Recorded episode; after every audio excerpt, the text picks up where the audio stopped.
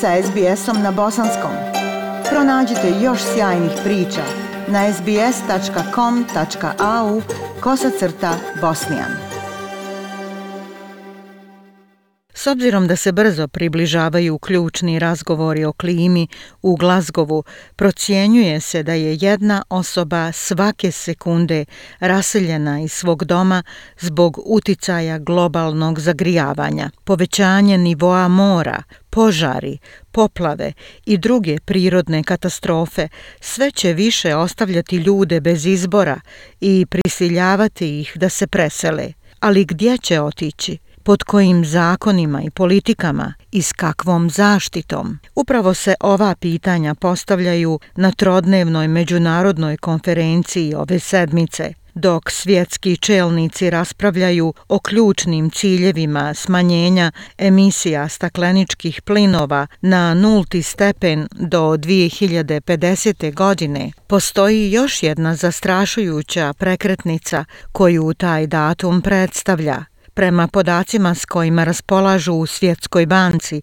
do tada, dakle 2050. godine, klimatske promjene bi natjerale čak 216 miliona ljudi u šest svjetskih regija da se presele, ali sadašnjom usklađenom akcijom procjenjuje se da bi se razmjere klimatskih migracija mogle smanjiti za čak 80%. Centar za međunarodno pravo izbjeglica Kaldor domaćin je konferencije na kojoj se razmatraju pitanja raseljavanja prouzrokovanih globalnim zagrijavanjem. Direktorica centra, profesorica Jane McAdam, rekla je da je to problem koji je vrlo blizak ljudima i njihovom prebivalištu. We know already that 80% of disaster-related displacement over the past decade has occurred within the Asia-Pacific region.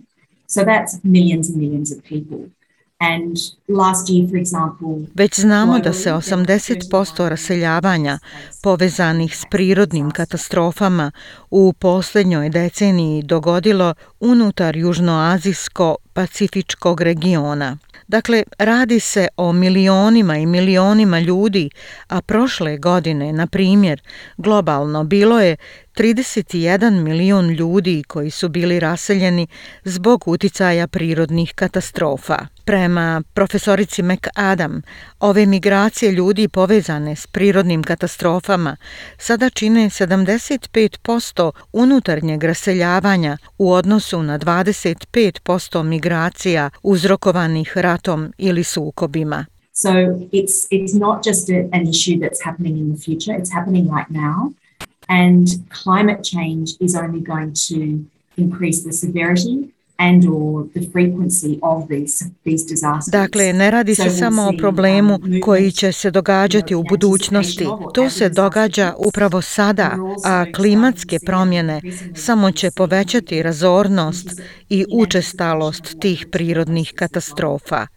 Svjedočit ćemo raseljavanju u slijedu očekivanih prirodnih katastrofa ili u trenutku njihovih odvijanja, a također počinjemo uviđati migracije u očekivanju dugoročnih procesa, kao što je podizanje nivoa mora. Kako klimatske promjene pogoršavaju ove pritiske, postoji sve više izgleda da će sve više i više ljudi biti primorano da se presele i da bi izbjegli progonstvo ali i da bi potražili utočište izvan svoje kuće. Neki će se preseliti unutar zemlje u kojoj žive, dok će drugi možda biti raseljeni širom svijeta. Sekretarica Azijsko-Pacifičke migracijske mreže Jessica Van Son iz Australskog crvenog križa kaže da je potrebno preduzeti preventivne mjere kako bi se izbjeglo premještanje ljudi iz njihovih kuća, što bi trebalo biti krajnja mjera. It's about having really inclusive and accessible disaster risk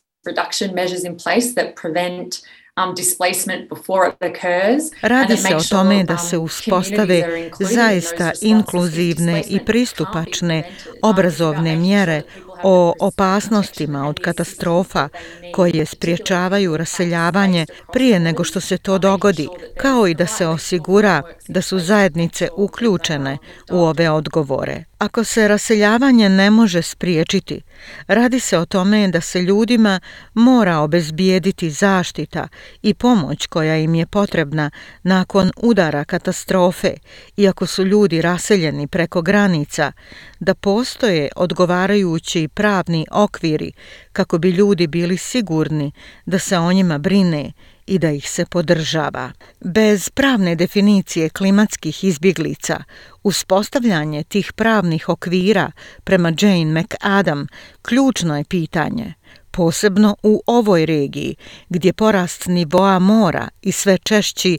ekstremni vremenski događaji predstavljaju egzistencijalnu prijetnju stanovnicima pacifičkih otoka.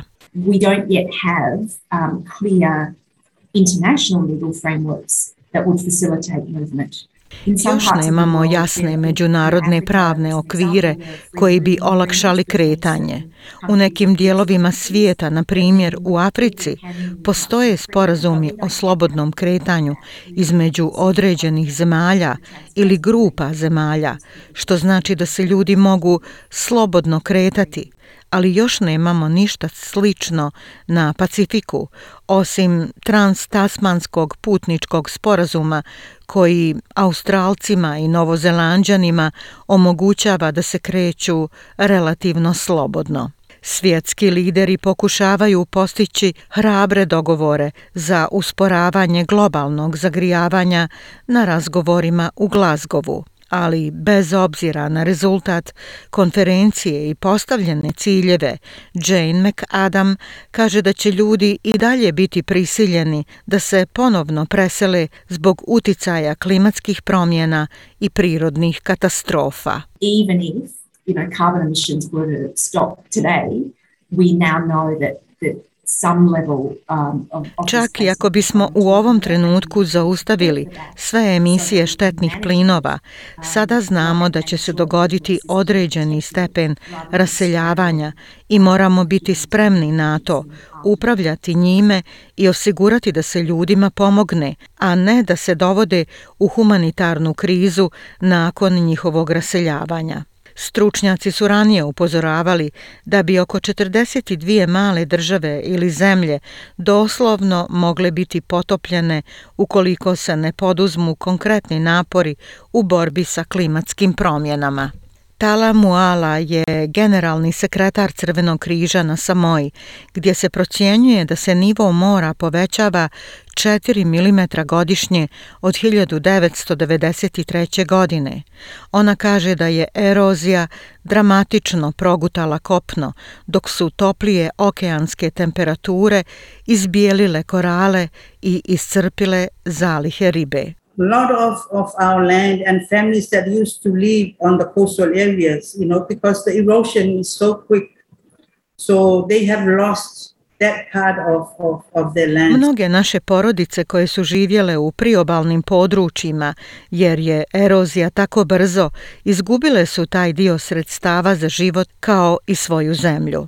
Razorni tsunami 2009. godine natjerao je mnoge stanovnike iz tradicionalnih priobalnih zajednica na donošenje teške odluke da napuste svoje domove i presele se u unutrašnjost u područja više nadmorske visine.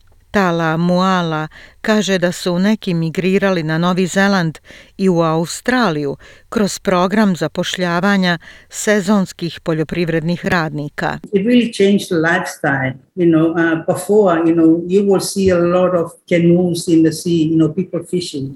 To je zaista promijenilo način uh, života. Prije biste vidjeli mnogo kanua u moru, ljude koji ribare, a danas je to rijetkost da vidimo. Čak rijetko viđamo ljude u ribolovu i noću.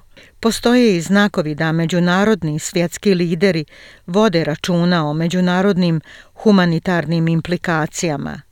Bidenova administracija, koja će imati svog predstavnika na ovonedeljnoj konferenciji, razmatra šta bi Sjedinjene američke države trebale da učinu kako bi pomogle ljudima raseljenim zbog globalnog zagrijavanja. Novi Zeland je najavio da će izdvojiti više od jedne milijarde dolara iz svog dijela budžeta za pomoć stranim zemljama, dok je Vijeće Ujedinjenih naroda za ljudska prava po prvi put priznalo pravo na čisto, zdravo i održivo okruženje.